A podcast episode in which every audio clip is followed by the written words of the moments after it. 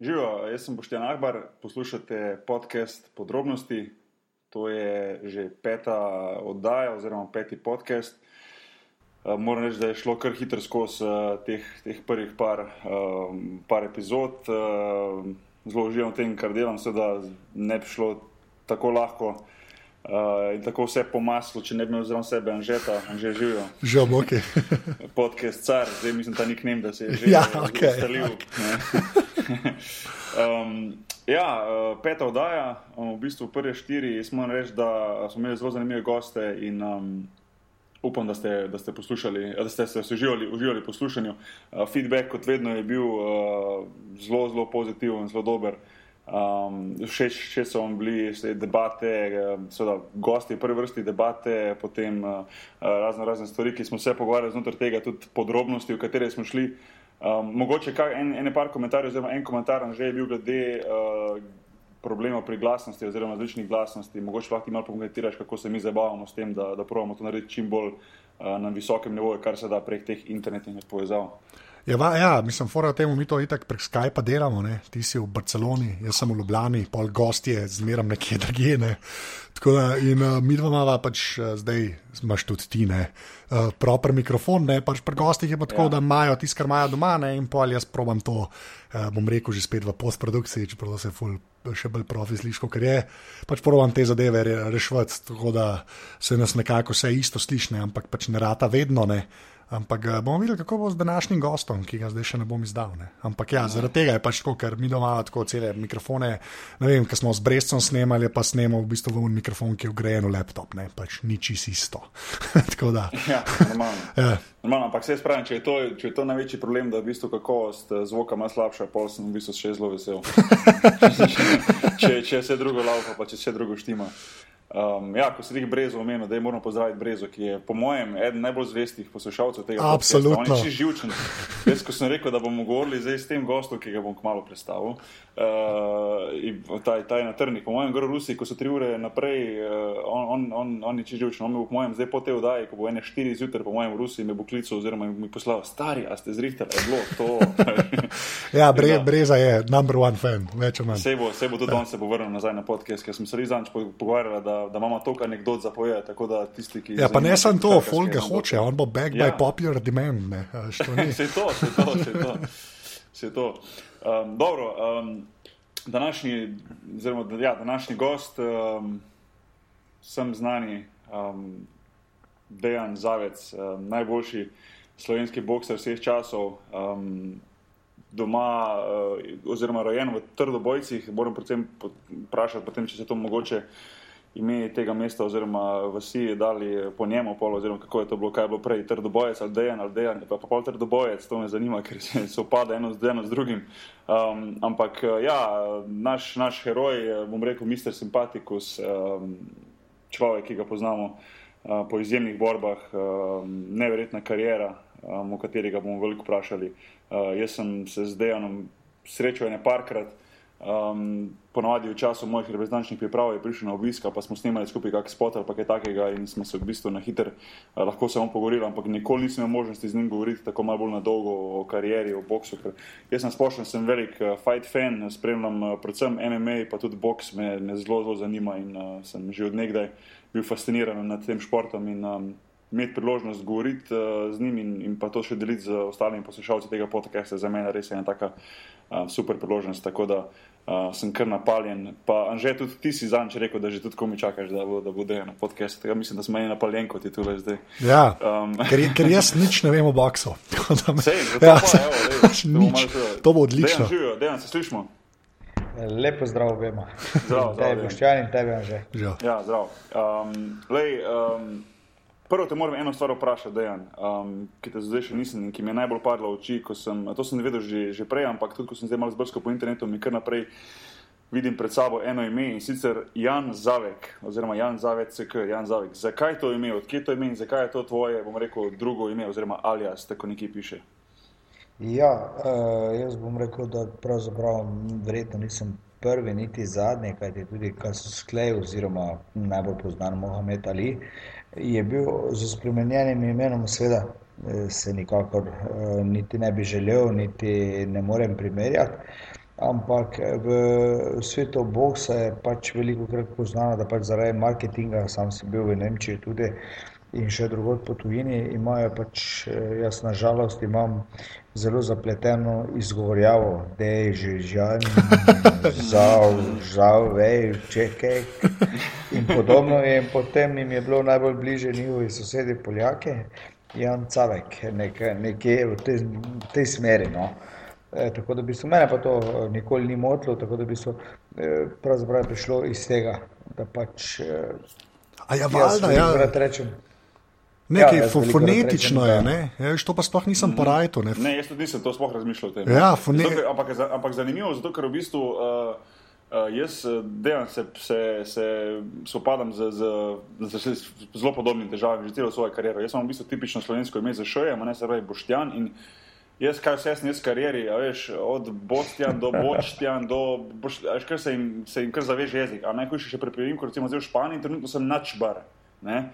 Ker CH je Č, po njihovo in nisem že načbar, veš, eh, bil sem pa tudi wow. svašta. Tako da je pa res, da košarki se ne dogaja to, da bi si pač igravci eh, spremenili imena.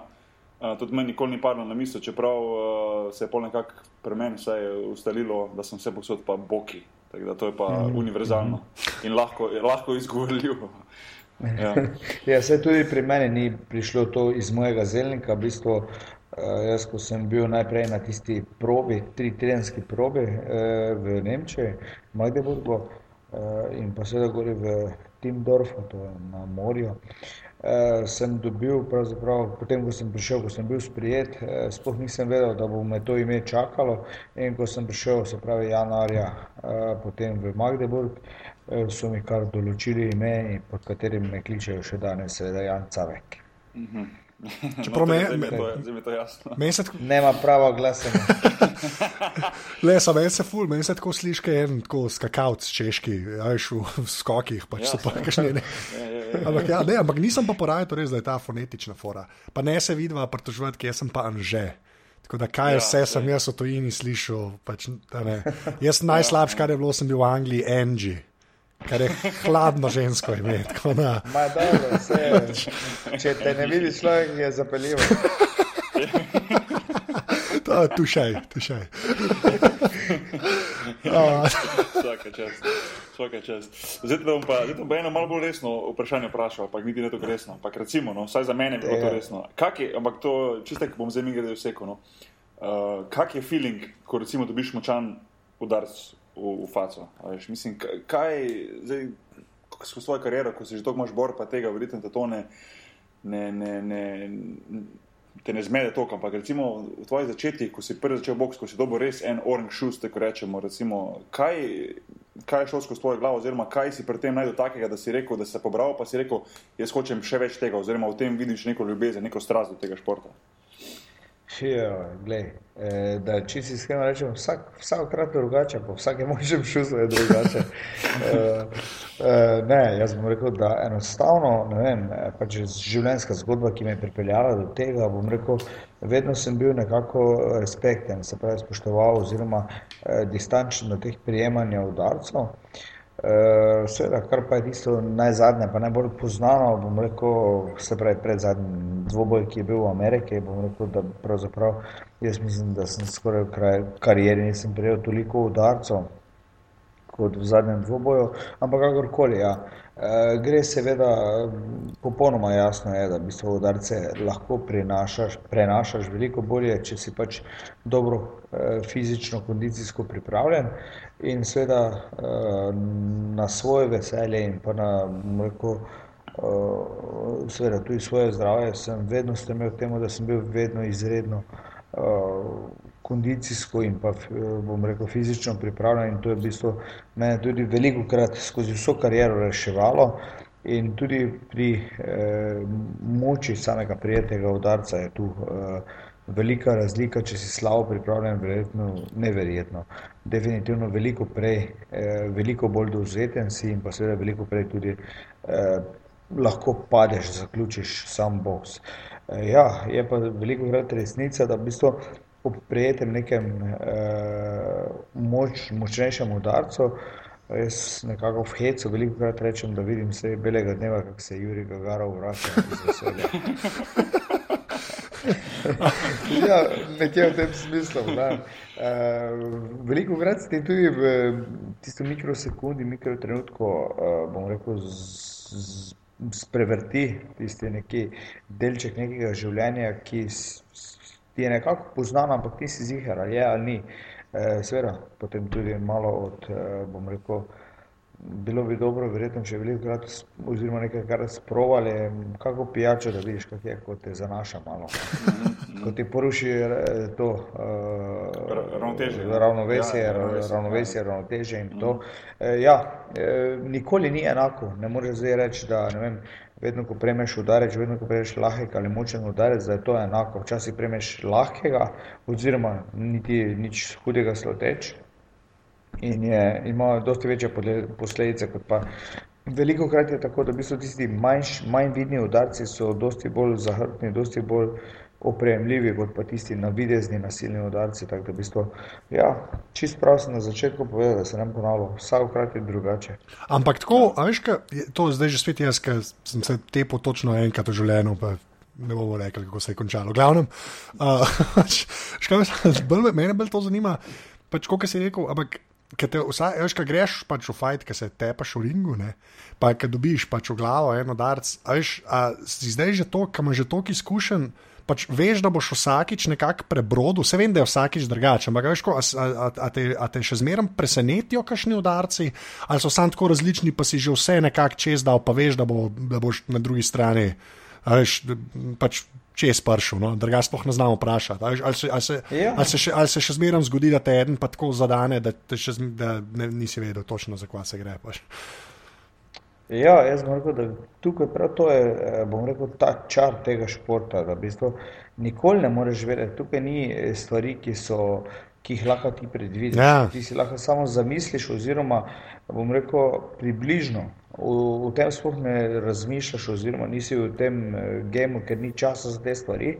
Se pravi, to, kar sem že prej omenil, ne, če si ti eh, res vrhunsko, kondicijsko, fizično, normalno, tudi psihofizično pripravljen oziroma sposoben, in potem je, so, so te stvari, bom rekel, skoraj da nekako postranske, čeprav niso nikoli. Uh -huh. Jaz bom rekel, da v glavi se dogaja toliko stvari, da, da skoraj boksarskim žargonom rečemo, tak, da glava peče. No. Da, boriš se vedno znova, tudi ko si najboljši in dobiš udarec, vedno znova se boriš sam s sabo, pa poizkušaš nekako vzpostaviti ravnovesje, neko realno sliko, kaj, kje, koliko si v zadnji, ali je to bilo zdaj občutno, ali to ni bilo občutno, ali bo se tukaj zgodilo, eh, kako so drugi videli, kako si ti čutil, so dve popolnoma različne stvari. Ja. Ej, kako pa izgledajo te psihofizične priprave? Prej si rekel, da si bil pač fizično zmeren tako, pač nekaj pa pol za glavo delaš, ko, imaš kakšne rutine ali to, je to ekstra priprave? Ker ti se greš še zmeraj teb z enim, veš, kaj mislim to za. Stari, čim več udarca po glavi, čim lažje. ne, gledaj, to je v bistvu, veš, eh, tako čist, čist iskreno. Jaz bom rekel, da za mene je boks kot boks, pa nasploh, bom rekel, eh, borilne veščine, pa predvsem boks, eh, kaj ti poznano je, da v bistvu manj možnosti, bom rekel, nekih eh, postranskih stvari, ne vem, nog, eh, drgnjenja, davljanja in podobno. To je še mogoče bo, ki jo bolj poznano. V bistvu, manj urodi je, manj, manj pravil je, manj, manj, manj nekih zvodov je, toliko bolj zahtevnejši je šport. In jaz bom rekel, da upravičeno, neupravičeno, to se jaz zdaj ne bi spuščal, ker v bistvu vsak vidi verjetno svoj šport zelo uh, subjektivno. Uh, verjetno je obema poznano, oziroma velikim poznano, da pač bil boks proglašen za enega najzahtevnejših, oziroma najzahtevnejši šport na svetu. In prav ta psihološki del je, bom rekel, prevladal, potem vse ostale, tiste, rekel, vse, kar se tiče kondicije, fizike, je bil zelo v, paralelno z ostalimi športi, nadvlada pa je bila seveda potem v tej psihični pripravljenosti. Eh, zdaj nekega treninga za to psihično stabilnost pravzaprav ni. Mhm. Eh, seveda zelo pomembno je, da imaš ti, eh, da imaš ti seveda relativno dobre izkušnje, da si samozavesten, seveda samozavest pride z dobro pripravljenostjo. Psihofizika pa je tak ali tak zadeva, katera, bom rekel, z roko v roki sodeluje. Jaz bom rekel zdaj, da reči, da sem jaz nepremagljiv, pa da to drži, to ne velja, ker potem prije nekdo, ki je veliko slabši po, po papirju, po listu eh, in ti te na hlodi nažaga tako, da ti ni nič jasno. Ne. Potem pa prije nekdo, ki je enkrat boljši, pa reče, to ti nima za burek. Ja. E, veliko krat se skregajo te stvari.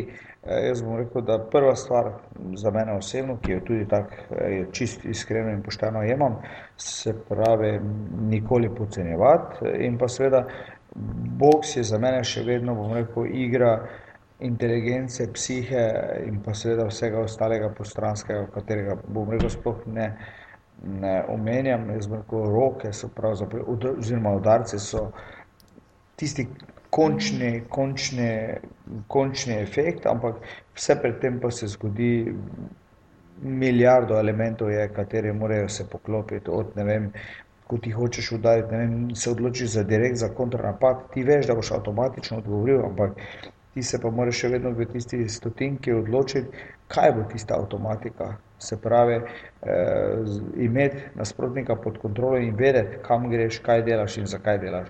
Eh, ni prostora, bom rekel, za neke spontane stvari, ki so se zgodile zaradi sreče. Zaradi sreče se lahko zgodi ena, dve stvari, tokom 12 rund. Ena, dve.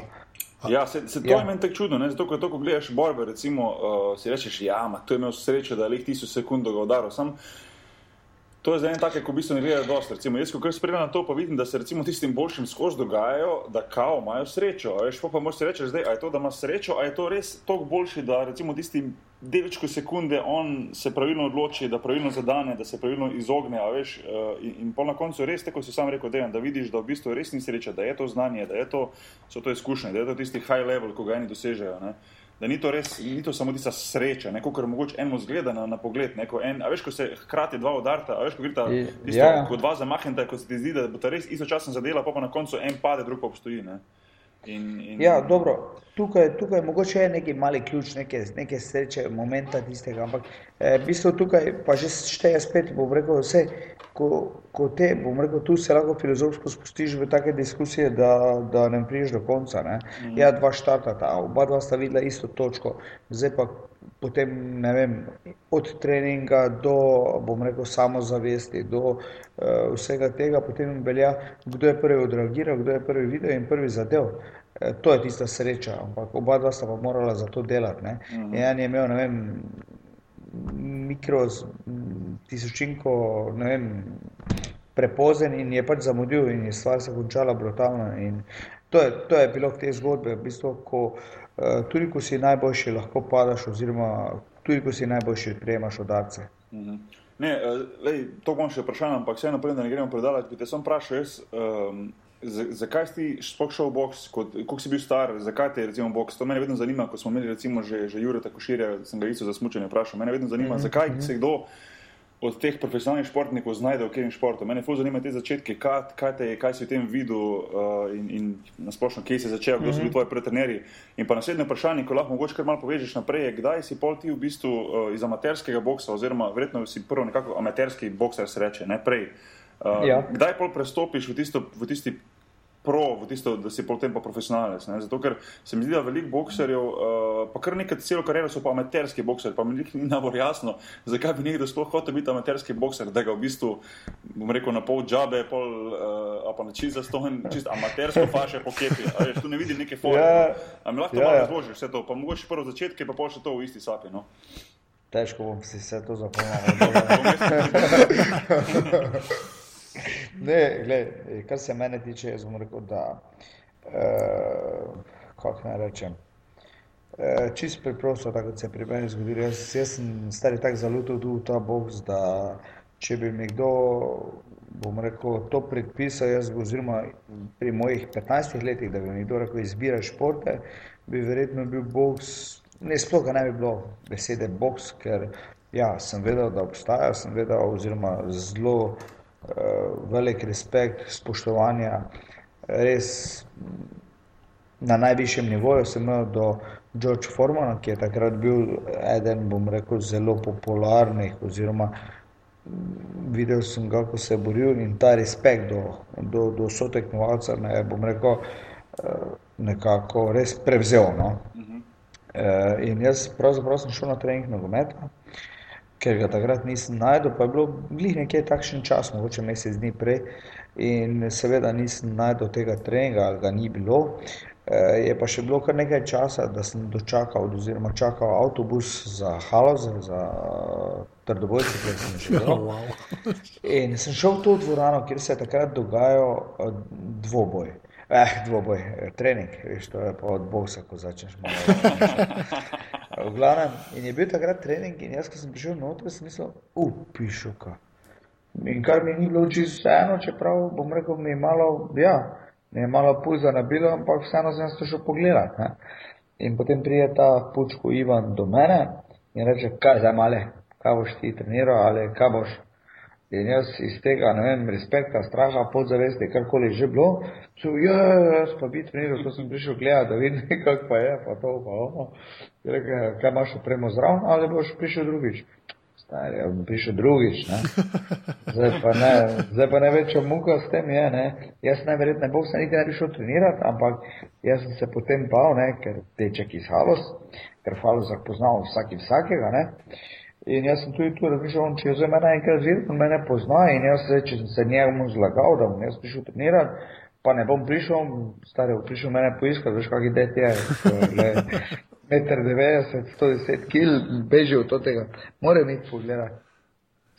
No in potem se prije tak dalje, da sem jaz prišel začel trenirati ta boks in v bistvu ti ljudje, ki so bili v tem boksu, pa določeni so še vedno, so me pravzaprav očarali z tem. V bistvu sem bil veliko krat nekako eh, po socialnem statusu malo diskriminiran. Tukaj pa te diskriminacije, diskriminacije sploh ni bilo. Ne? Uh, bili so fanti, tam Jacki, ki so vozili takrat, ne vem, Omega 2000, BMW, ne vem, kaj še vse ni bilo. Uh, jaz pa z avtobusom, pa ne za avtobus. V glavnem in ta, bom rekel, ta nediskriminacija oziroma nerazlikovanje, sprejemanje svojo družbo me je tako daleč pritegnilo, da sem v bistvu potem začel resno, resno razmišljati o tem boksu in me nekako okužil. Potem se je zgodilo, da sem potem išel iz Halas, ker sem pa živel večino svojega otroštva pri teti in pa v internatu na Ptuju in pri teti v Halazah. In potem se mi je zgodilo to, da sem jaz potem nekako videl tukaj neko izhodišče, neko možnost, da izbegnem oziroma izbegnem, da se rešim nekako tega trdega, težkega življenja v Halazah in nekako dobim neko možnost, da bom pa sem nekje zaposlil preko športa, preko tako ali drugače. Eh, in potem sem odšel živeti k temu mojemu trenerju, Pučko, Pučko Ivano, pri katerem smo, bom rekel, imela ne malo, bom rekel, teh sočnih, pristnih zgodb, eh, seveda pozitivnih, pa tudi nekaj negativnih, kar se mi zdi, da življenje nekako sledi zraven. Tako da ja, jaz sem v Sloveniji nekako boksal amatersko svojih deset let, od tega sem, mislim, da osemkrat ali devetkrat. Uh, postal ta državni prvak, eh, potem nekako kar je bil trn v peti večina, eh, bom rekel, mojim trenerjem, je bilo to, da sem nekako iskal vedno tisti top, tisti vrh, tisti, bom rekel, iskanje svojega maksimuma, kar še nekako počnem danes. E, pa kakorkoli, bom rekel, po teh, medtem sem bil 8 let v Sloveniji, potem sem bil leto pa pol v avstrijskem filahu, kjer, bom rekel, takrat je bilo to pol profesionalizem. Eh, in potem seveda je sledil tisti trenutek, ko se je pa pot, bilo potrebno s facing z realnostjo. Ne. Eh, seveda v amaterskem boksu ni bilo niti za sandvič, pa še le za kav klobaso.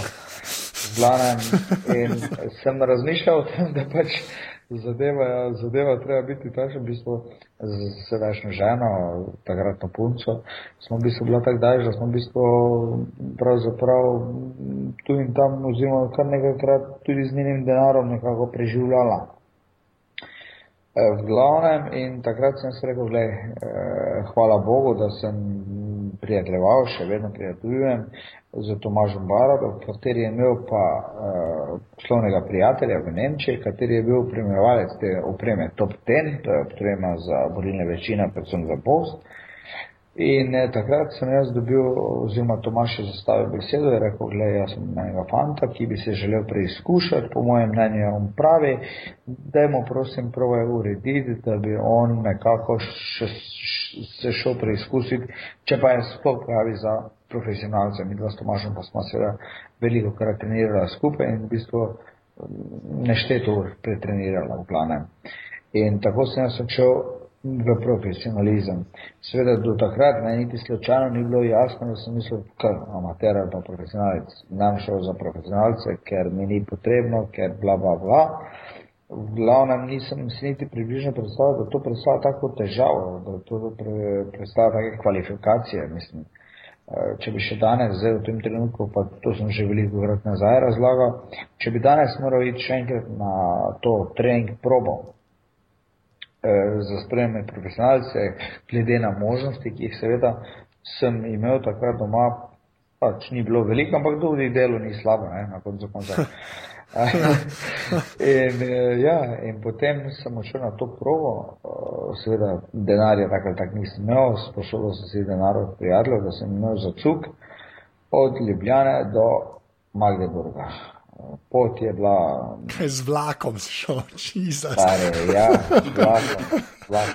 Pazi, pot je me trajala 21 ur. Oh, balano. 21 ur, od tega polovico poti sem se vozil, ne, pa je polovico, tri četrt poti sem se vozil z Ljubljana do Dubrovnika do Magdeburga sem bil 4 ure. Glavno, ja, pa prijem jaz gor, stari iz vlaka prišli, prvo smo bili dogovorjeni, to je bila tudi, bom rekel, jaz sem, smo bili gori dogovorjeni, kje se dobimo. In to je bil hotel, maritim hotel, bo ki ti verjetno veš, kateri hotel je to v Nemčiji. Za mene je to bilo prvič videno, neko steklo, neki stekleni lift, ono, drugo, tretje. Jaz, ko sem prišel noter v ta hotel, v avlu tega hotela, meni so se šibile kolena, ker sem mislil, gledaj, tu so mene pripeljali, zdaj, gledaj, tu bojo me vrgli v kletko z igrom levom, ker rabijo hrano pišo. Glavno pa prije ta uh, Jack po mene, glavno me pele na trening in direktno ma z avta v ring. To ni bilo dobenega sočustvovanja, ne vem, 20 ur na pote, miško pokažiti. Čakaj, čakaj, čakaj, to je bilo potem tvoja prva, eh, to je bil prvi pol debit tvoj profesionalni, kaj? Ta ne, ne, to je, bilo, to je bil moj prvi trening, proba trening. Aha, proba ja, trening. Aha. Sam kaj je to, bil... potem, ko si bil 21 ur na vlaku? potem, ko sem bil 21 ur na vlaku, potem pa sem bil še 16, eh, 16 dni na treningu, govori, na probi, vsak dan sparing, stari. Oh. Ti so se pripravljali za, za en meč, takrat je to isto bilo v Kotbusu.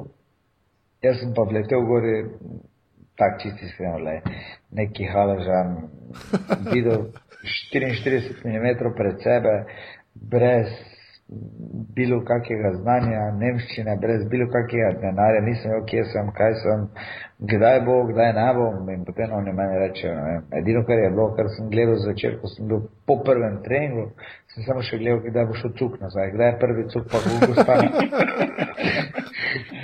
pa če, pa če kakšna ura manj. Stari, ja, to je adijo. Pol pa sem šel, v bistvu vsak dan, v bistvu je to bilo 16 dni identičnega treninga, gledaj, tako da sem že mislil med mes, med tem.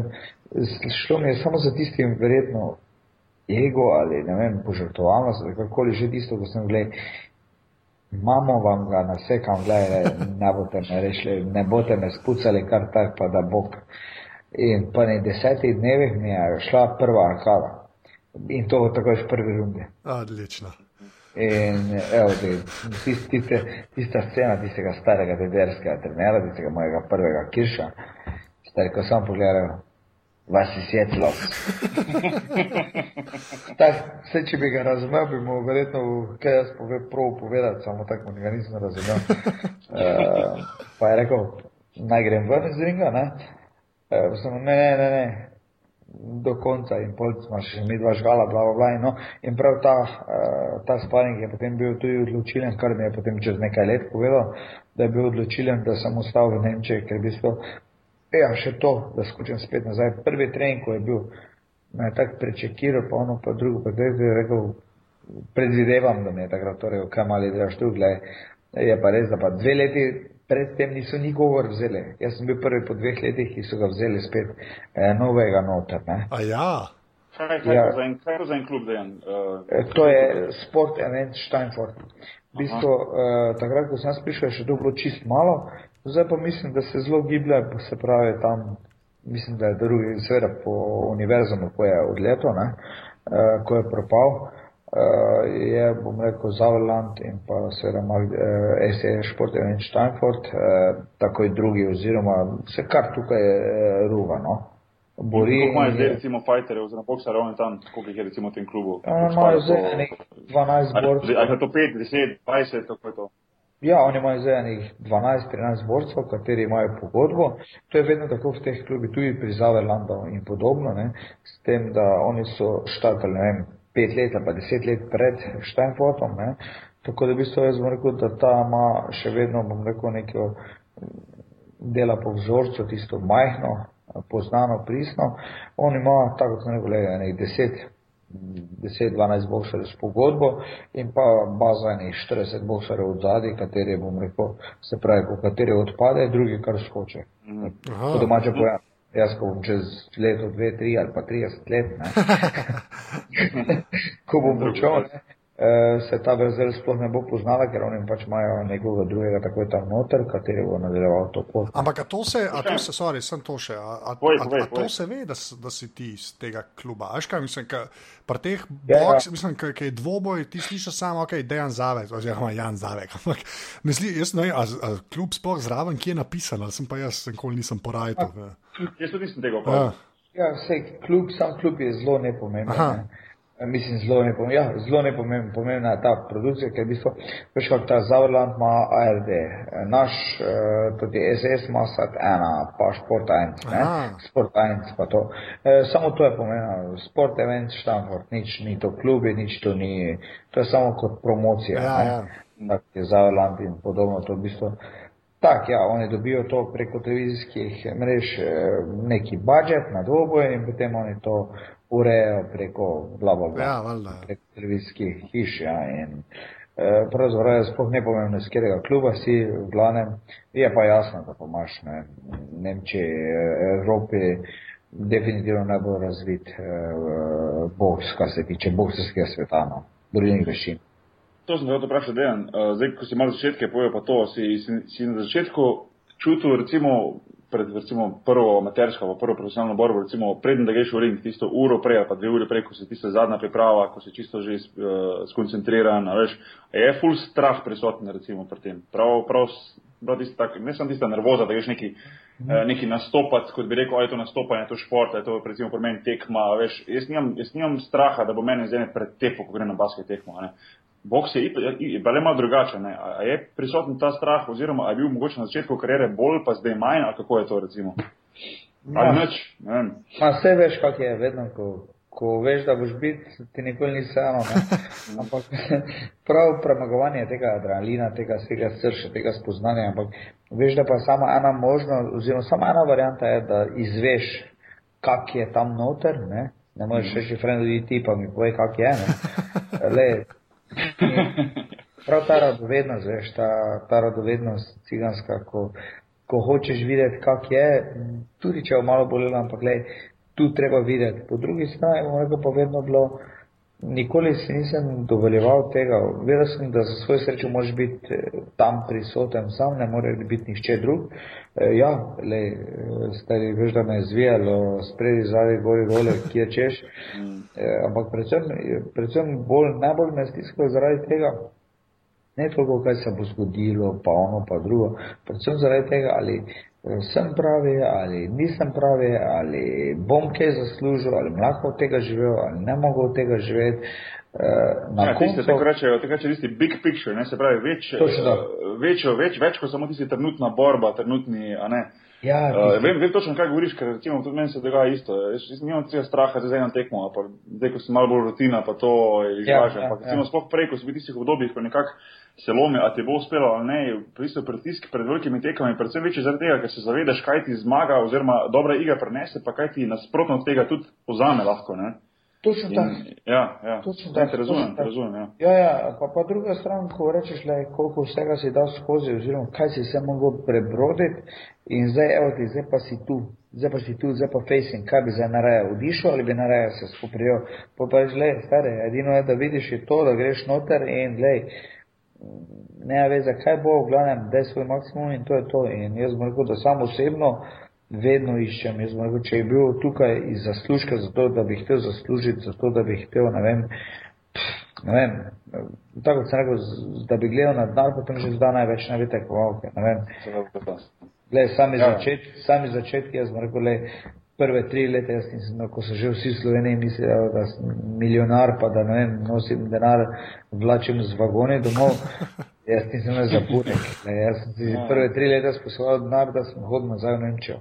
Vse na splošno, na splošno se mi zdi, da je, pa ne samo Slovenija, ampak na splošno, recimo, uh, nekako se mi zdi videnje navijačev ljudi, da športniki, ki imajo ogromno in ogromno denarja. In, in, ja.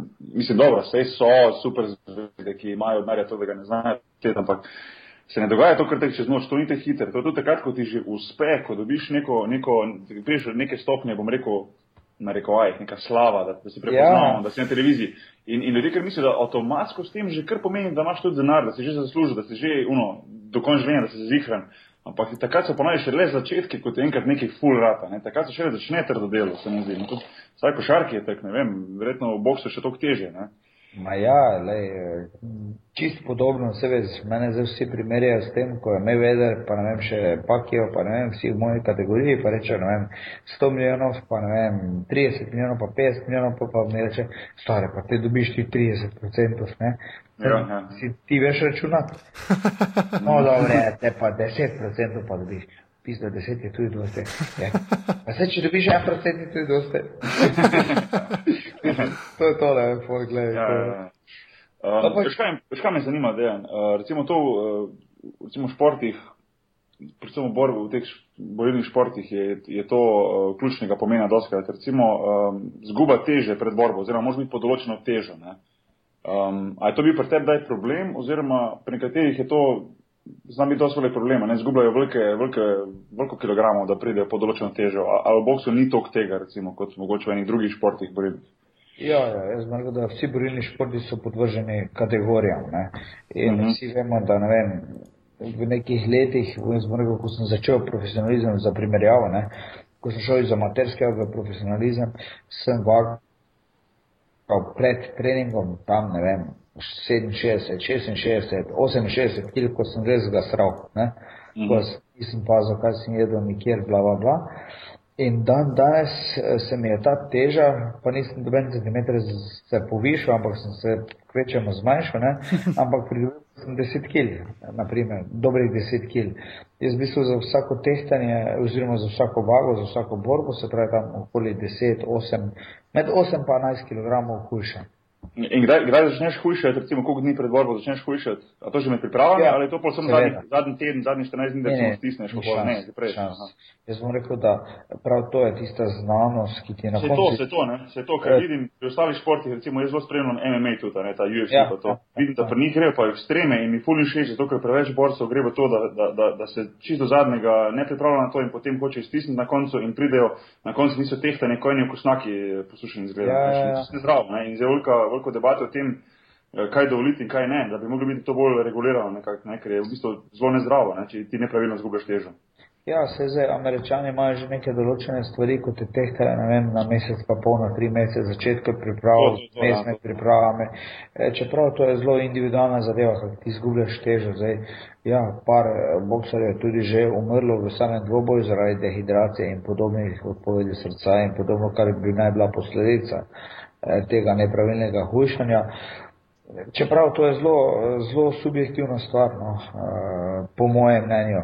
Zdaj jaz bom rekel, jaz si vzamem ne, za teh deset kil eh, tam okoli mesec in pol. Se pravi, prva dva, tri tedne je seveda stvar samo, da nekako tu in tam eh, sporočiš telesu, da pa nekaj vzameš oziroma da mu nekaj jemliš in potem v bistvu zadnje tri dni imam pa tiste, bom rekel, nekako prvih pet, šest kil, pravzaprav skoraj da ne občutim, seveda občutim jih normalno, ker je lažje z vodo pa s hrano v sebi, kot pa, kot pa brez. Eh, predvsem pa gre tukaj za veliko manipulacijo nekega, bom rekel, neke tekočine. No. Jaz -hmm. da potem na koncu zadnje dve kili, pa pol tri kili, eh, zmanipuliram z eh, vodo, se pravi, dehidriram telo na maksimum in seveda, kar je tisto najpomembnejše, potem, da po tehtanju shidriraš potem to nazaj. Uh, vsi pa vemo, oziroma vsi pa vemo, uh, vsaj pri Bogu vsi vemo, s čim je to dovoljeno, kaj je tu dovoljeno, se pravi, uh, tukaj ni dovoljeno dobenih ne, nekih dodatkov, seveda glukoza uh, in podobno je dovoljeno, vse ostalo pa je operate, odpade. Kaj se, kaj se, kaj ja. se pa zgodi, če si na tehtanju pač kilo preteže? Kaj, kaj se zgodi? Je še, še eno uro imaš časa, da spustiš. Če pa če pa res. Res je, okay. ja, res je. Ja, okay, cool. to ja, ja, ja, smešno se sliši, ampak res je. Ja. Če pa ne skušaš, ne, pa imaš uh, tolažilno nagrado, dobiš tombolo oziroma plačaš tombolo, se pravi stroške borca in pa izgubo menedžerja posla, pa to to. Oh, to wow. ponovadi en, enkrat več kot zaslužiš. Dejano, pa pol, pol recimo, ko zgubiš to težo, a imaš pol, uh, a ja te bom vprašal, no kdaj je pri, pri boksu, kdaj je tehtanje, koliko pred borbo je tehtanje? Dan prej? Cirka 30 ur, ja. 30 a potem, ti, no recimo, ti si 30 urah, ti potem skušaš čim več spet pridobiti nazaj. A je, da probaš prav namerno biti čim težji, ko prideš ring, ali ni to važno, to recimo, kot pri uh, ni, kot... ni toliko važno, koliko se dobro počutiš. Se pravi, a, zdaj, jaz pri sebi, jaz pri sebi grem vedno v, v dvoboje, grem jaz vedno z petimi, šestimi kilami več. Mm. Se pravi, jaz hidriram nazaj, pri meni je tekočina, ne vem, jaz pijem tekočine, sama hrana kot hrana je zelo, zelo malo pomembna. Seveda pomembna, ampak ne najbolj pomembna.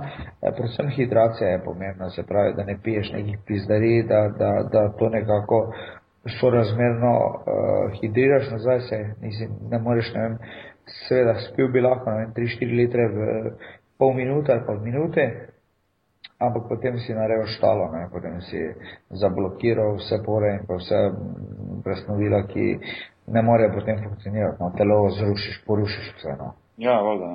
Ja. Kako pa recimo ti gledaš na to kot bokser, kako gledaš recimo na, na, na ta šport, ki zdaj raste v svetu, recimo ta mixed martial arts, ne? recimo UFC je zelo popularen, pa nas v Sloveniji poznamo VFC, ki je ja, ja. Uh, recimo na mogoče mal nižjem nivoju, ampak vseeno. Uh, Kaj recimo bokser gleda na to, ker se mi zdi, saj jaz, ko spremljam te ameriške športe, pa zelo, ko spremljam UFC, da, da je to šport, ki zelo hitro raste in tudi mogoče malo odžira prostor uh, boksu. A ja, se te tudi tako zdi? Jaz bom rekel, da se mi ne zdi tako, mislim, ne zdi tako. Ja, se mi zdi, da zelo hitro raste, imaš zelo, zelo, zelo, zelo veliko poplavo dobrih, eh, fantastičnih borcev. Eh, je pa druga, bom rekel, zdaj, ali je to, jaz bom rekel, nimam dobenega kompleksa, pravim, kdo je dober, je dober in prav je tako, ker za vsakdo, ko postane dober, mora nekaj, nekaj dati, da če hoče nekaj imeti. E, pa vendarle na koncu koncu zelo velika večina, bom rekel, je tu nekih borcev in boksarjev in drugih, iz drugih porilnih veščin, ko nekako v svoji sferi niso bili najbolj prepoznavni ali opaženi in potem nekako iščejo različne, Drugo, ja, ja. takšne in drugačne. To je znano in jaz bom rekel, da normalno, jaz bom rekel, da je glede na to, da, da je v porastu, pa glede na to, eh, kak je način fajta, pa po mojem je veliko bolj brutalno od samega boksa, eh, da bom rekel, hm, ja, kar se tiče zaslužka, mogoče splošno zaslužek je velik, ja. Eh, ampak niti slučajno, pa še bom rekel, vse, vse ti največje se nikako ne pritožujejo, ker v bistvu jaz mislim, da v nekem MMA-ju ali pa vem, kjerkoli nikoli ne bojo prišli do vsote, ne vem, 50 milijonov oziroma nikoli. Ja, ja. Ne, se to je absurdno, to ni šans, ne. mislim, to je res to. Ja, ampak je pa res, da pa populariziran v zadnjem obdobju zelo dobro in pa jaz rekel, da niti slučajno, niti slučajno, da bi imel karkoli proti, čeprav samo osebno pa tega ne spremljam. No. Mm -hmm. Ne, se to se mi je zdelo, se, se mi zdi tako, da bi na nov način malo smisliš, ampak recimo, da bi no način košarke prišel, da veš neki, neki, neki podaljšek te igre, a veš kaj mislim? Ja, ja, razumem, razumem. Me to ne bi bilo zanimivo, ne, mi to ne bi bilo normalno, ne, ker se tistem toliko noter, ne, in, um, veš kaj me zanima, um, boks kot šport, a je boks uh, vedno tam, ki je bil pred, uh, recimo, ne vem, 20-30 leti, ko recimo, jaz sem svetovno športnik, a je še zdaj to živite, recimo, vedre, pa drži boks na tem nivoju, zdi se, da boks mogoče pada v primerjavi z, z tistimi legendarnimi boji v 70-ih, 80-ih, naprej 90 recimo. Jaz bom rekel, da predvsem boks je premalo, premalo razumljiv za veliko večino, ker v bistvu eh, nekako pogledajo v čas, naprimer Frejzera, Alija in podobnih, ko so se mazali, po domače povedano, ko se žgali tako da je špricalo in ni bilo koraka levo, ne koraka desno, razen seveda Alija. Jaz bom rekel, da se mi zdi, da ne da se mi zdi, prepričan sem in vem, da je, ker vem, kaj je bilo potrebno narediti in vem še vedno, kaj se dela v sami, bom rekel, strukturi, strategiji in priprave dvoboja. Jaz bom rekel, da je boks isto kot vsi ostali športi. Eh, nadzvočno nadzvočno se je dvignil, nadzvočno se je razvil in prav to je tista stvar, ko v bistvu uh, je mogoče malo manj poznana ljudem, in, ampak po drugi strani pa še mi je vedno čisto enaka, pa reče, ne vem, uh, ni več toliko zanimivo, ni več toliko fajta, ni več toliko tega, ni več toliko onega. Jaz pa pravim tako, da bi se prav zaradi tega, ker se je sam nivo tako visoko dvignil, da v bistvu jaz mislim, da bi dan danes pa brez bilo kakega žalovanja, mislim, da bi nekoga hotel žaliti ali karkoli. Ampak v bistvu to je zelo primerno uh, s tem, ko da rečemo, da, ne, da je golf enka boljša od petke. Mm.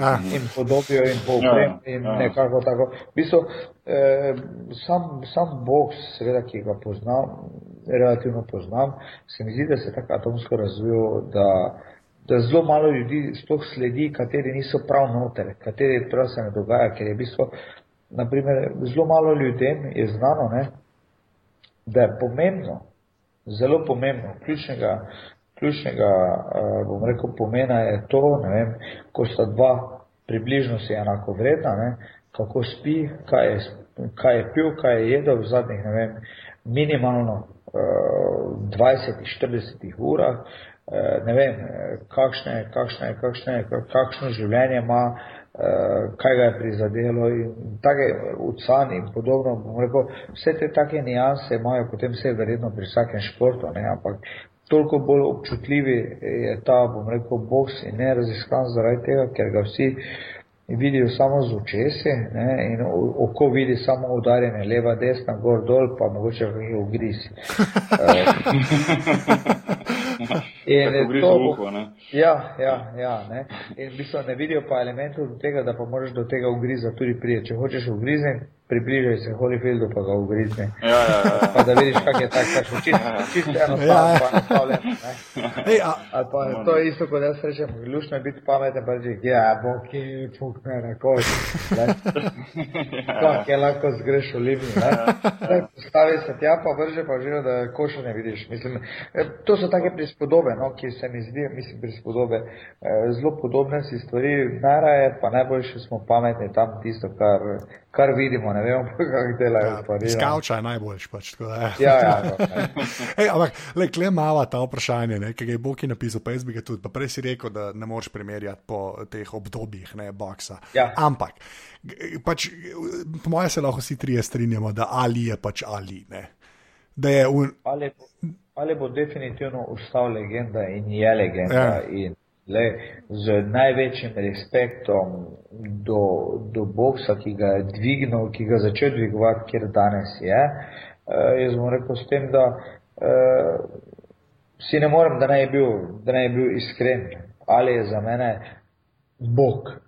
Dejan, uh, kaj me zanima? Jaz sem bil, v, ko sem bil še igral v Ameriki, sem bil v Houstonu enkrat na eni uh mhm. -huh. ostar tekmi bejzbola. In, um, takrat uh, pač vedno, kadar je bejzbol tekma, pripeljejo ven eno, eno enega znanga človeka, enega eno poznano lice, uh, da vrže tisto prvo žogco v bejzbolu. In takrat je bilo mhm. tam, so pripeljali Tyson, uh, pardon, uh, Alija. In to je bilo, jaz se spomnim, da je cel stadion, ne vem, 70 tisoč, 80 tisoč ljudi, da je to stavilo noge, da so to ploskali, to so bile uno standing ovations, da je to bilo nekaj neverjetnega. Ne? In um, uh, je bilo res uživo ga videti, je bilo nekaj, nekaj, nekaj, nekaj posebnega, sploh to, da on še vedno nosi slabo to, to prepoznavnost in da je toliko močen.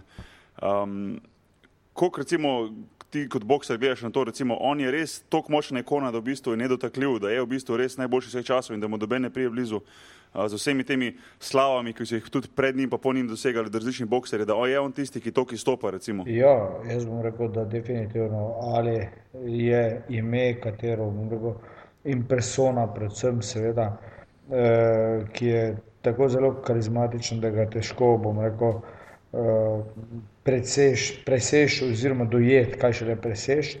Eh, seveda, kar se tiče eh, tega, jaz bom rekel, da je on bil eh, začetnik, kar se tiče predvsem te današnje dobe, oziroma je začel nekako popularizirati boks kot nekaj pozitivnega in seveda izjemnega. Mm Kar verjamem, da mu je uspelo v nulo. No. Ja, ja, ne, ne, sej, jaz, jaz nekako uh, imam feeling, da, da mogoče malo pretiravam, kot rečem, ampak vseeno se mi zdi to, ko on pomeni v boksu, je mogoče recimo Michael Jordan v košarki, ki je tudi recimo nad vsemi. Pa lahko ti govoriš o, o teh novih igralcih, ki so recimo bili za njim, ne vem, Kobe Bryant, pa LeBron James in ja, tako ja. naprej. Ampak se mi zdi, da veš, on bo vseeno ostal korak, dva nad, nad vsemi, da je praktično nedotakljiv. Tek neka taka primerjava ja, je prišla na misel. No? Jasno, jasno, jaz ja. bom rekel, da tukaj nimam dobenih pomislekov, ne vem, da bi kdorkoli eh, bil kot ikona, kot človek, jaz bom rekel, ko pomisliš na boks, je najprej eh, Mohamed Ali, potem je pa velika praznina. Eh, zdaj bomo rekel, seveda, tako kot smo že rekli, vem, o, o napredkih, v razvojih in podobno. Ne. Eh, ali je bil, bomo rekel, zelo, zelo inteligenten in še vedno tudi je. Eh, seveda, zelo dosti pa primerja to njegovo parking oziroma tisti slabši del, kar pade na Alija, ne boks in Parkinsonova. Ja, ja. Eh, vendar v osnovi vemo, da Parkinsonova bolezen je mislim, da je v celoti dedna, da, da je zelo malo možnosti, da jo pridobiš skozi življenje oziroma z udarci v glavo.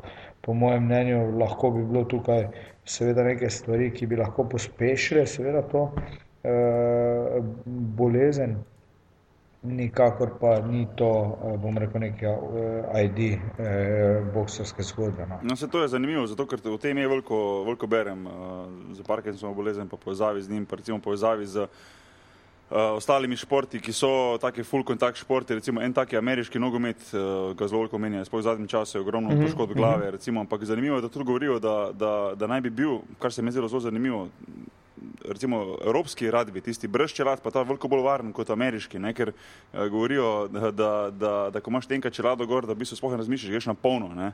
Medtem ko naj bi, recimo, jaz se ne spoznam na radbi, ampak naj bi bili tisti v evropskem radiju malo bolj pazljivi, da naj bi eh, pri teh udarcih, pri tem, ker tam, ko gledaš tisti ameriški, ameriški radio, pa res vidiš, tam pa gre kot biki v steno, direkt na polno. Ne, da, uh, ja, jaz, jaz verjamem, da je tukaj, bom rekel, sigurno.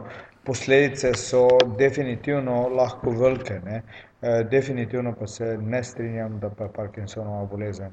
Eh, Parkinsonovo bolezen možno dobiti eh, preko, bom rekel, teh stresov. Seveda, poznamo pa milijon drugih, bom rekel, bolezni, ki, ki pa so seveda zelo blizu, zelo, zelo dotične. Eh, smo za te bolezni, kaj ti bomo rekli.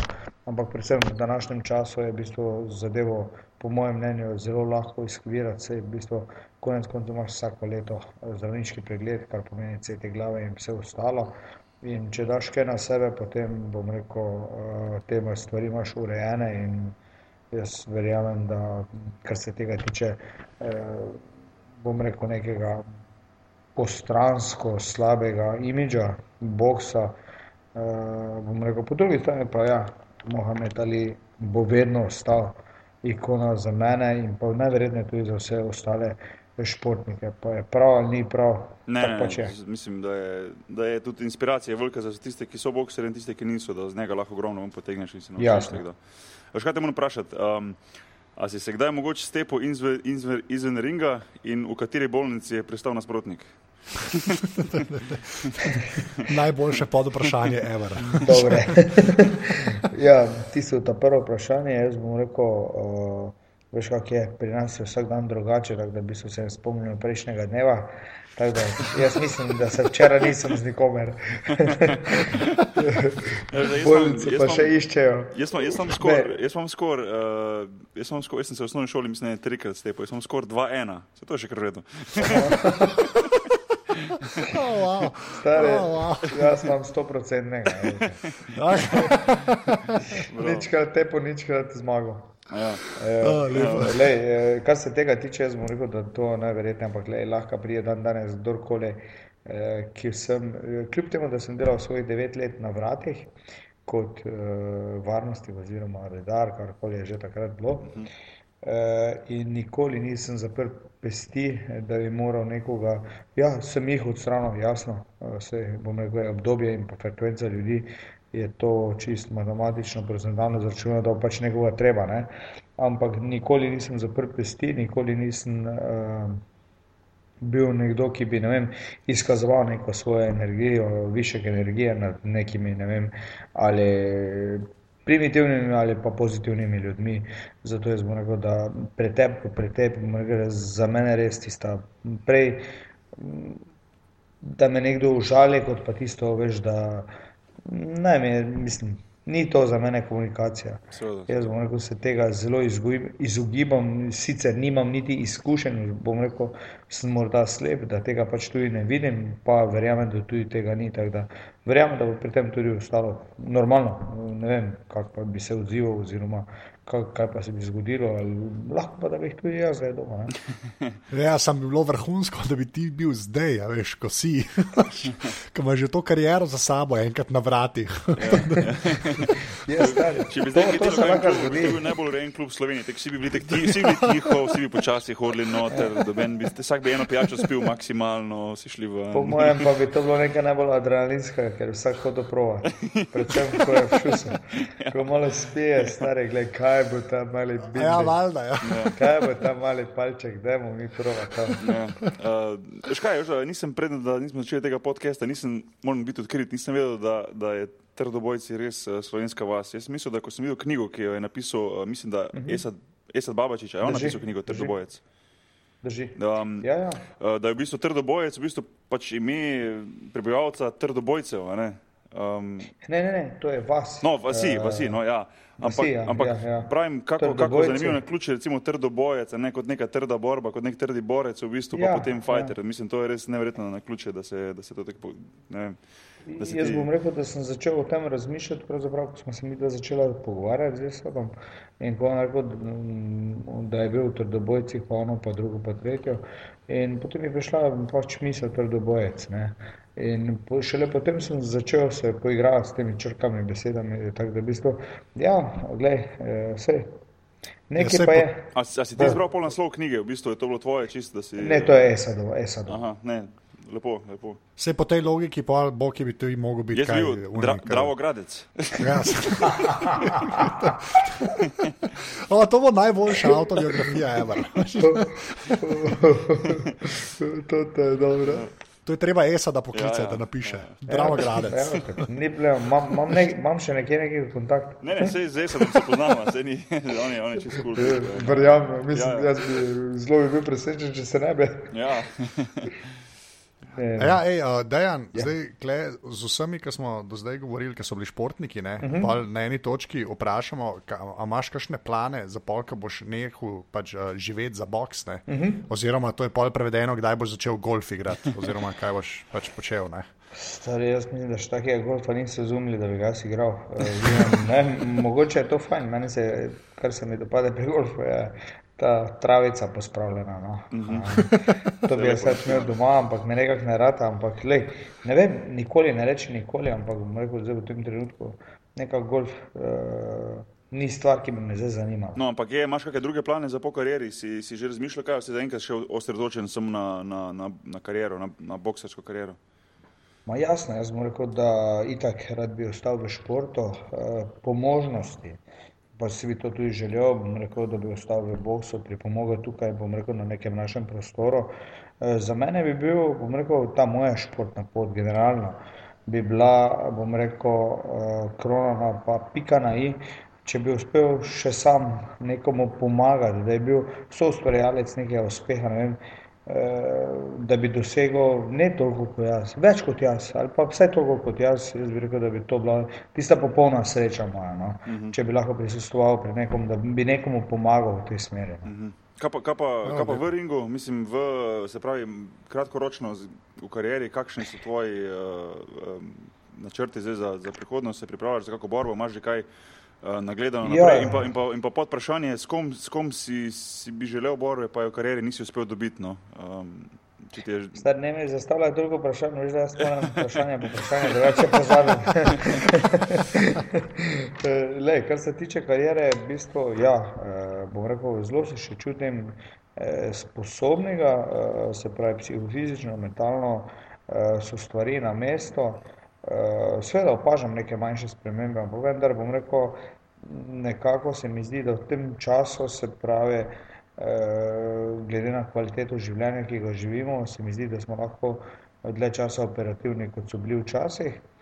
In jaz mislim, 2014 eh, poizkuša dati res tisti svoj zgornji maksimum, maksimum od maksimuma uh, in nekako prijeti do, te, rekel, do tega konca oziroma svojega maksimuma. Uh, zdaj, zelo bi bil nerealen, če bi rekel, ne vem, 2014 ali pa 2015, ampak ziger, glede 2014-2015 je sigurno sezona, ki razmišljam, oziroma ne glede na izhodišče, uh, je konec, uh, že zaradi tega, ker tudi bom rekel. Eh, ne mislim zdraviti nekih svojih starostnih kompleksov in dokazovanja in ne vem česa v samem ringu, ker se mi to zdi, bom rekel, nespametno. Plus tega, je moje zasebno življenje toliko rekel, bilo prikrajšano za neke stvari, da bi, ne, da bi jih rad noter spravil, ampak da bi tudi videl tisto drugo stran, no. uh, tu in tam. Kar se pa tiče neizpolnjene želje, pa definitivno. Jaz bom rekel, da zelo težko govorim o nekih neizpolnjenih željah. Zdaj, dvakrat sem bil v Ameriki, dvakrat sem pušno. Uh, enkrat okay, sem ga ja. pušno pošteno, mislim, to je pred zadnjo, sem ga streljal več kam med oblake, hotel sem, ne vem, celo sem japonsko zadev, pa sem Antarktiko jebil. V glavnem, v tej smeri, ja, normalno, gledaj, jaz bom rekel, da pa mislim nekako neizpolnjena.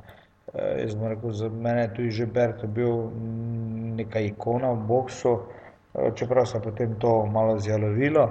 Ampak, eh, ja, seveda, jaz bom rekel, da pa za mene osebno v tem trenutku in pa v bistvu rekel, daleč naprej, in pa tudi nekaj časa nazaj, je pa seveda, pustimo, eh, bom rekel, osebnostno, karakterno, je za mene seveda najboljši zemljan uh, Mayweather.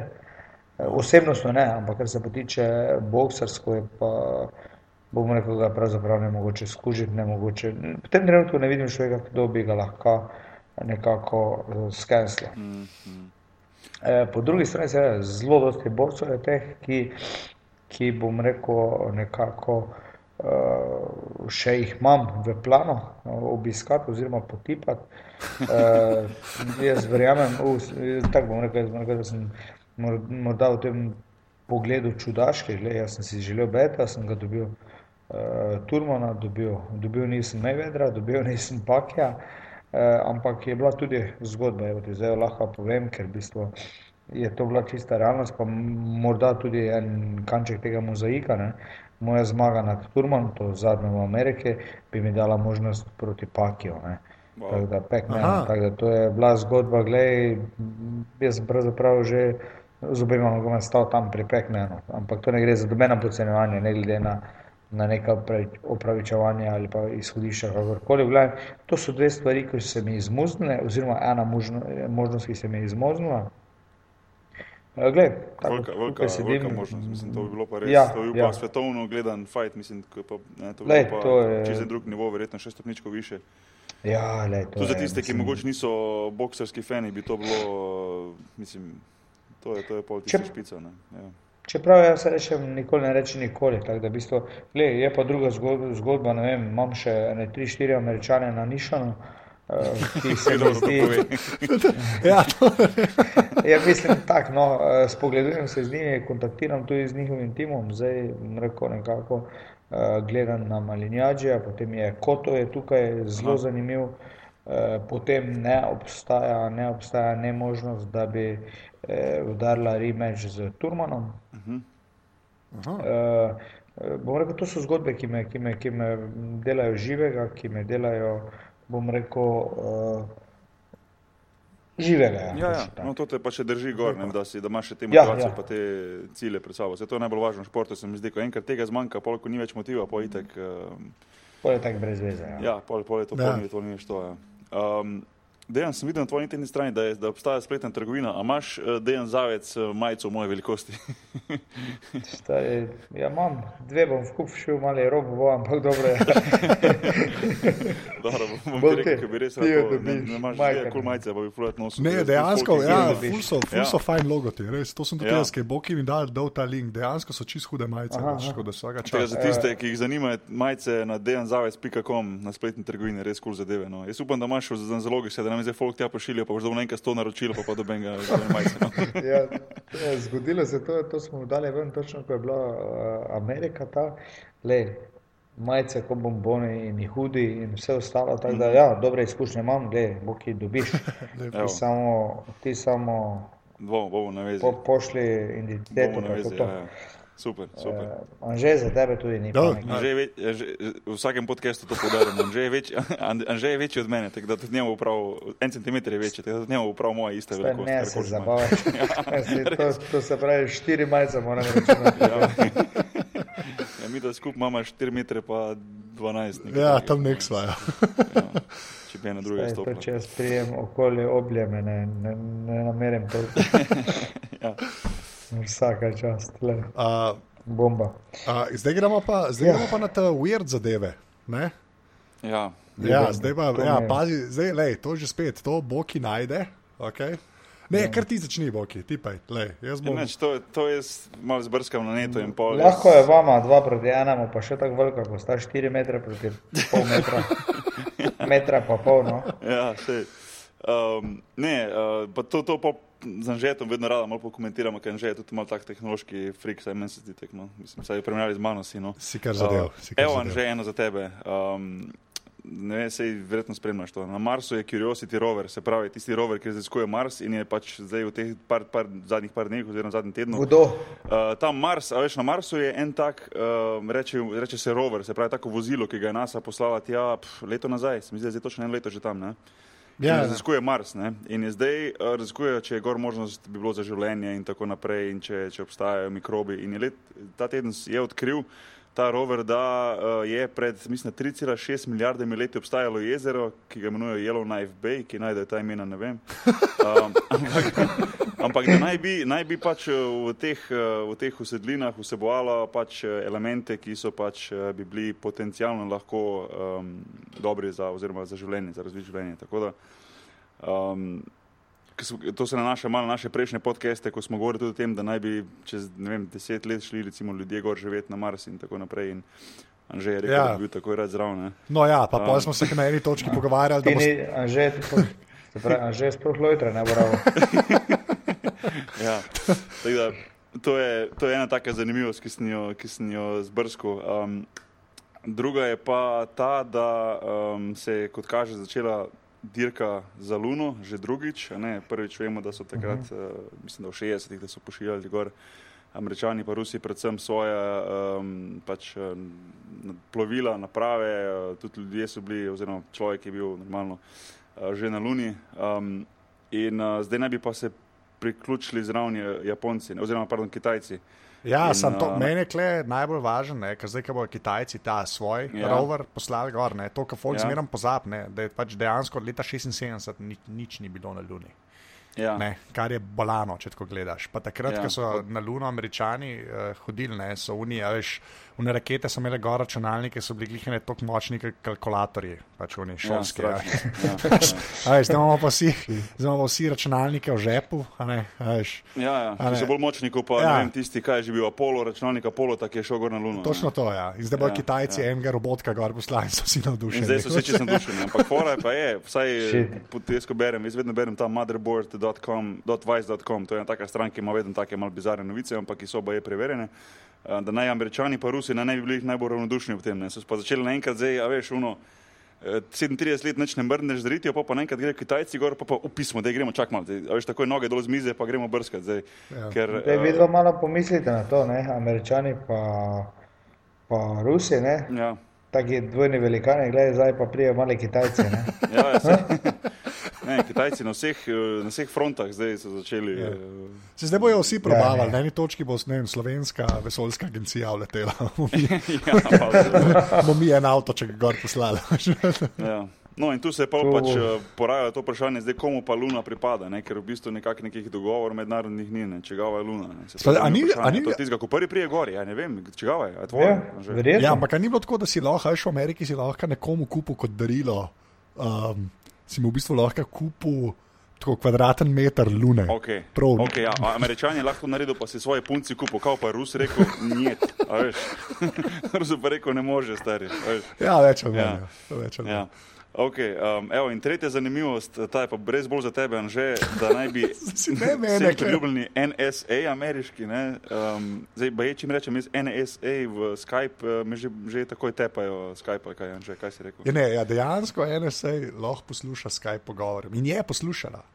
Zato, ker prek Skype gre vse prek od Skypa serverjev, ne, In dejansko pač oni so dejansko lahko in videli in slišali stvari, če so hoteli. In lahko tudi zdaj. In zdaj, ko smo rekli NSA, zdaj le en američan posluša Dejana Zalca, Boštjana Nagbarja in mene, kako se pogovarjamo. Okay. No, se pravi, nacionalna ameriška danger, danger. security agency, ja, danger, točno to. Uh, naj bi pa zdaj, mislim, eno. Ja. Lahko sploh rečem, da so malo nizko padli, no, če to omenjam. Da naj bi v bistvu začeli pač uh, vohuniti tudi uh, znotraj igrice World of Warcraft. A ti igraš? Uh, ne, hvala, to je droga. Ja. Jaz sem se tega ja. sem se pa probil. Da, ja, ti igraš kakšne igrice, pa to, imaš sploh cajt za to, si kdaj imel? Jaz nekaj cajt sem bil za svojim s tem. Stari, ko žena pride domov. Jaz sem bolj neroden za igrice, zato sem se prej tega kar vem. No, ne, uh, igrice res nikoli, še bom rekel, moji prijatelji, pa to včasih, ko gremo kam na, na kakšne priprave, ima stari, jaz dve leve roke, še čutim, da bo hodil, vem pa bo še. Ne, ampak pravim, da je res eh, zanimivo, da bodo začeli, mislim, da naj bi imeli svoje vohune znotraj te igre, ki naj bi pač uh, raziskovali tako rečejo uh, weird behavior raznih. Jaz ne vem, lahko najdeš sploh weird behavior znotraj te igre. Ja, kaj je? Vsi weird, vsi so vedeti. ja, ja. No, ampak pa naj bi pazili, naj bi iskali potencijalne uh, zločince, ne vem, narekovajih teroriste in tako naprej. Ne. Mislim, Res so na vseh frontah, tega se ni več zahecati. Uh, tisti, ki to poslušate, pa igrate World of Warcraft, pazite se, mogoče un. Uh, vilin zraven vas, uh, NSA agent. ja. Dej, še lahko jaz dam eno zelo življenjsko. Dej, komod. Yeah, okay. Zdaj bom dokazal, bo se skinilo. Ampak če za res, mislim, vsi se čudimo nekih prisluškovalnih, ono drugo, tretjo, ne? ampak gled, naši telefoni, kaj, kaj so naši telefoni? Naši telefoni pošiljajo sporočila, kje smo, o, s kom se družimo in pa konec koncev, kaj se pogovarjamo. Mislim, tu tako velik rompom, bom, komu se vse prisluškuje, ampak gled, eh, narod oziroma že v rojstvu, lepo smo zakreditirani za celo življenje, eh, ne za mali denar in pa še kontrolo imajo nad nami. Plačujemo za to, da nas oni kontrolirajo. Ja, samo res. Čist jasno. Mislim, če malo pomisliš, ne pomisliš, le, ampak vidijo, kje si, vidijo, s kom se pogovarjaš in kaj se pogovarjaš. Pika. To je, ja. to je, ja, se, to je dosti. Ja, Anže, a, a bi sploh bilo možno, recimo, da na našem svetu sploh funkcionira, da se izklopiš v vsega tega? Je to normalno? Ne, ne rečem zdaj, ne rečem zdaj direktor neke firme, ampak recimo en tak poprečen človek, a si lahko sploh prvošiš, da živiš brez interneta, brez telefona, brez tega in da hodiš normalno službo, delaš, a lahko sploh, mislim, je to, to vprašal ne američane, ki grejo v, v gost živeti ja, sami lovijo vino, zajce. Samo, ampak da se v enem mestu živiš, pa to se mi zdi, da sploh ni več možno. No, si odklopljen čisto sveta. No. Verjetno ja, ne, ja. Na, zaho e, čeprav, na če, zahodu več ne, po mojem. Ja. Ja. Če lahko jaz povem, kaj jaz sem začel koristiti, eh, čisto res. In to že traja debelega več kot pol leta. Eh, pravzaprav enostavno ta turbulenca dogajanja. In enostavno, gledaj, eh, zdelo se mi je, da dece ne poznam, da ne poznam kotičkov v hiši in ničesar. In potem se vprašam, zakaj to ustvarjaš. V glavnem, no, da skratim to vse skupaj. V petek popoldan, tam po tretji uri, eh, tu in tam se zavleče, pa to po šesti uri, naprimer. Ampak od petka do ponedeljka jaz sploh nimam telefona A prižganega. res? Da- Okay. Stari, in se mi zdi, da imam ta vikend in da se mi zdi, da sem cel mesec na off. A polka ga pa užgeš v ponedeljek, pa eksplodira. Ja. Ja, glej, tudi to se je dogajalo, evo te, imam spet rešitev. Jaz sem, sicer sem rabo to, se pravi, ne, 4 mesece, 5 mesecev, eh, normalno, pol pa bombardirali tako, da glava boli. Ne. Eh, jaz pa še vedno rečem, glej, vsi ti, ki me rabijo ali bomo me poiskali, nič ni nujnega. In ponedeljek zjutraj, ko telefon prižgem, SMS, delete. A res, ali kaj? Svaka čas. Svaka čas. Ne, res, to je pa svaka čas, res. Lej, Vsaka čast. eh, Dej, uh, pogum sem ti- rabo za ti- to, ti si čisto lahko- res. Ti si lahko moj mentor za to, res, ker jaz bi tudi rad tega prišel, jaz bi za svoje s telefoni postavil. Ja. tako da- Boki ti prvo, da jih je Blackberry uporabljal, pa se Dobro, naprej ajde, pogajal. ne Vsi se mi smejijo. Okay. Še, to je noro. Ža, ej, ja. dejan, kjer telefon pa imaš čistko iz Ferca, to mene zmeraj zanima. Se.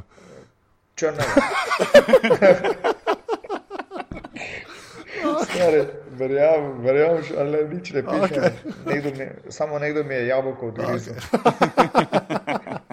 Okay, to, iPhone to imam je to, vse to smo hoteli slišati. Zato da veš, kaj Bog je, zdaj vsi zabavamo, ki je še kar na Blackberryju in noče stran. ne. Stari, jaz sem bil, ne vem, lej, eh, imel sem Samsunge, zdaj sem, mislim, zdaj. Kako leto imam zdaj že tega iPhona, predtem sem imel isto iPhona, pa sem šel leto dni na Samsunga, pa se mi je zdelo, da je Samsung jajca, pred Samsungom se mi je zdelo, da je iPhone jajca, zdaj pa se mi spet zdi, da je iPhone jajca. Kam energy, Mislim, da energy ono- od tebe. Black. Blackberry. Da, da, ah, ne, nekaj širiti te laži, Bog je Stari, prosim. Imam ono. Dobro, kaj je daj, že ko smo pri Son- telefonih, Sony Ericsson 628. Eh, Kaj, kaj si rekel? Eh, Sony Ericsson 628, oni prvi mobiteli z anteno. A, Ej, lepa. Zdaj, ko smo njih pri teh pri telefonih, pa, potem, uh, pa smo bolj proti koncu uh, oddaje. Dejan, um, tebe se najde na internetu, oziroma si si rekel, čez vikend te nema, ampak drugače na Twitterju si pa Ed Dejan Zavec, ali če se ne motim. Ne? Ja, ja, drži. Um, dobro, Anže, kot vedno, Ed Anzet, Tako. uh, jaz Ed Boken Ahbar. Um, Anže, mogoče lahko poveš, kje se nas najde, oziroma kje bo možno slišati oddajo uh, tudi za naprej. Okay, ja, uh, vse, vse oddaje, ki so bile do zdaj, ta je, je ta peta, so na aparatus.si, tam kliknete na podrobnosti in so vse oddaje tam. Uh, obstaja tudi mail, podrobnosti afnaaparatus.si, tako da karkoli pošljete, vidva jaz in Boki, tako da nam tam tešte ali pa na Twitterju. Uh, pa Boki na Twitterju, predvsem tešte, da neha Blackberry uporabljati. uh, po, na, na podcast se lahko naročite tudi v iTunesih. Uh, pa če, bo kakršne, uh, če boste lahko dali tam oceno, bomo tudi fulh hvaležni, ker tako še lahko kdo najde ta podcast. Zdaj smo, mislim pa, že na 25. Ne? Uh, sem šel, takega. ne, sem šel včeraj gledati, tako da vsa, vsa, Jaz tu lahko dam ja, komod, Ja. komod. Komu, sebe, sebe oceni, poslušaj pa pa da se je petko. Dobro, pojasno. Uh, to, uh, poje pa kaj še. Um, uh, a ja, pa če hočete aparatus uh, finančno podpreti prek uh, PayPala, greste lahko na aparatus.si slash podpri. Tako da vsak evro, ki ga tam dobimo, gre v produkcijo teh oddaj. Uh, to, Prav. a sem kaj pozabil? Aparatus.si. Ne, nisi pozabil, jaz bi samo to rekel, da hvala za vse komentarje, um, pozitivne, negativne, karkoli, hvala za odziv. Um, a ja, za želje za naprej, radi slišimo, če imate mogoče kakšne želje, da bi kakega posebnega gosta radi slišali, s katerim bi pač pasal, zdaj tisti, ki malo poslušate že par, da veste, na kakšen način se pogovarjamo, da je to en tak sproščen pogovor in če imate kakšnega kol gosta v mislih, uh, ga dajte predlagati, lahko težite na Twitterju, anžeta pa meni, pa bomo šla v neki te smeri, da zrihtamo uh, kakega zanimivega gosta. In zdaj, ko sem jih pri tem za naslednjo dodajo gosta, še, še nimamo naštelanega, uh, bo pa podcast v vsakem primeru 30.11. 12. Um, Um, 30. 12. Tri- Pardon, 30.12. Um, tako da uh, bo kot vedno zanimivo. Uh, pa še nekaj bom za na koncu rekel. Um, A dej ne. že čestitam, ne? Moram povedati, moram povedati. Dejan, to moraš slišati. Anže je nas dobil nagrado. že je nas dobil nagrado in sicer je bil zbran na Savičem, Savičeva spletna osebnost leta, to je internetna stran, ki jo Ed Savič Domen, ali Ed Domen Savič, nisem siguren. Savič domene. Ja. Ja, ker ljudje glasujejo za najbolj za spletnost uh, leta, ne internetno, oziroma spletno osebnost leta in je bil izbran Benke. Anže. Ja, Tako da koleda. dobi nagrado. Saj povej, kdo je zgubil Ja. pred Boki. Saj to Ja, povej. jaz sem zgubil, ne, jaz sem bil pa drugi. Tako da, ja. tako da-. Um, tega čestitam, no, ampak lej, Anže, zdaj pa res, zares ti povem, da, da upam, da se mal, da, da, da, da se ti mal povrne se vse trud, ki si ga nadobil, da se mal čutiš tega, da folk spoštuje, kaj delaš. Čakaj, res je to res. Ja, ja. Um, da ja. evo, to, to je kva, Nič. smo tam. Ne? Ej, Dejan, uh, ful hvala, res, ki si Ja, res, prišel. res. Tudi vama, tudi vama. Glej, Najlepša hvala. Vse lepo naprej, smo na liniji. Nač, lej, smo na vezi tako drugače, eh, pa v prihodnosti, ko bomo enkrat šli vse te goste skozi, pa Ja. ja. bo, če boš zdaj še imel čas, z veseljem si spet eh, gost, pa, pa nad- nadaljujemo debato, ker se mi zdi, da je še vedno lahko toliko stvari, ki se lahko pogovarjamo, iz izkušenj življenja, karijere, smešne stvari, ki se dogajajo, anekdote in tako naprej. Tak Normalno, če ne prej, takrat, ko postanem spet svetovni, 2014. Dej, takrat pa lej, držimo pesti, tako vedno, lej, to pa itak. E, vem, vem, enako, enako. Čau. Nač, ajde, hvala, Dejan. Ej, Živijo. hvala, Čau, živijo. lepo bojte. Čau. Ajde, čau.